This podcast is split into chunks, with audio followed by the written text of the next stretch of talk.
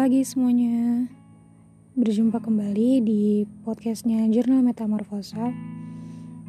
Um, Kali ini Ame mau share terkait Pernah gak sih kalian ngerasa Di satu titik Kejenuhan? Bahkan sampai rasanya gak bisa mengekspresikan apa yang kalian rasain. Entah itu masalah yang sudah berulang kali terjadi dalam hidup, atau rasa percaya kamu hilang begitu aja.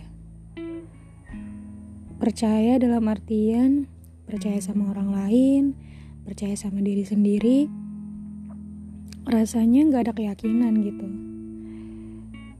dan gak ada petunjuk. Mau nangis, udah terlalu banyak nangis dulunya. Mau ngeluh pun udah saking capeknya ngeluh. Tapi semangat pun gak bisa dibilang lebih besar dari itu semua. Saat di titik itu rasanya gelisah pasti ada yang bengong, dia berusaha berpikir, atau memang jadinya pikirannya kosong, atau cara lain yang tanpa disadari kita lakukan adalah buka HP, scrolling IG,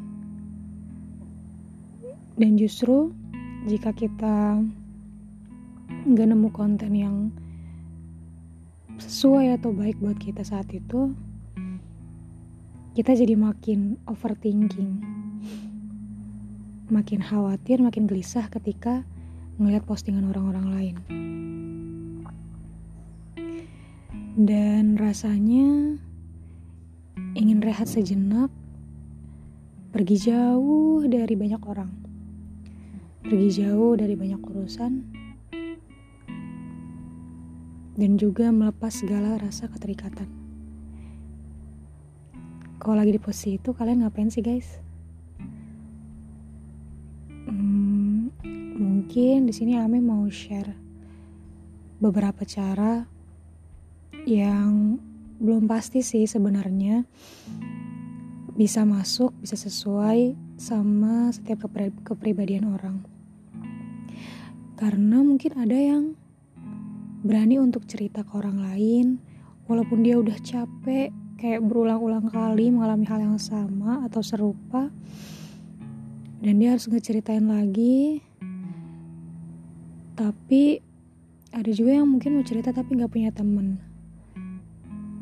Ada juga yang bahkan takut untuk cerita, khawatir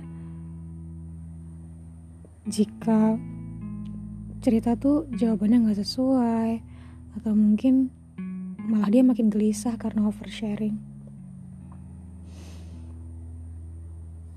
Kalau Ame sendiri sih tipe orang yang kalau memang ada momennya diceritain ya sudah gitu. Tapi bukan yang benar-benar menaruh harapan kepada orang lain.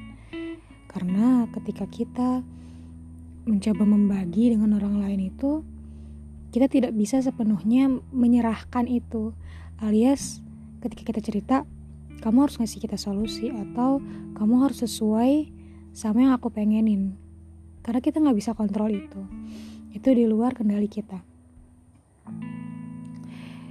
ketika kamu mau cerita pastikan dirimu siap gitu dirimu siap bahwa orang yang mendengarkan kamu itu bisa sewaktu-waktu bereaksi yang di luar ekspektasi kalian gitu.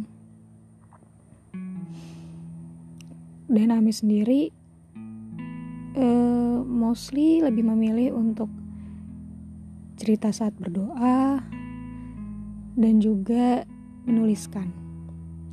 Karena bercerita dengan berbicara dan menuliskan menurut Ame itu mirip-mirip dalam hal mengurai apa sih sebenarnya yang kita rasain, apa sih yang sebenarnya kita khawatirin.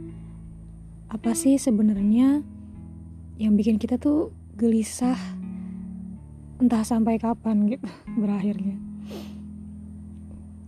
jadi di situ mungkin kita bisa nemu hal-hal yang bisa kita fokuskan. Atau sekedar mm, stress release aja gitu. Kayak abis cerita ya udah lupakan. Atau abis nulis ya udah lupakan. Atau mungkin yang lain punya hobi berbeda-beda gitu. Ada yang jalan-jalan ada yang makan mungkin ya dan juga terkadang bisa jadi itu sinyal kalau kamu tuh lelah gitu. Kalau kamu tuh benar-benar butuh istirahat. Jadi jangan diforsir. Jangan terus dipaksa diri kamu karena tubuh tuh sebenarnya bisa ngeluarin sinyal-sinyal itu gitu. Ketika memang dirasa kamu beneran lelah ya sudah. Sebisa mungkin kamu rehat sejenak kamu menepi dulu. Atau bahkan mungkin jika perlu tidur dulu. Karena setiap tubuh kita itu juga punya haknya. Jiwa kita punya hak. So, aku harap teman-teman semua bisa lebih berani untuk memberikan jeda. Karena tubuh kita bukan hanya diciptakan untuk bekerja, tapi juga istirahat. Tubuh kita butuh untuk istirahat. Oke, mungkin itu ya yang bisa kami sampaikan kami sangat berharap semoga teman-teman sehabis ini setelah mendengarkan podcast ini bisa menemukan tempat rehat terbaiknya. Amin. Oke okay, see you on the next podcast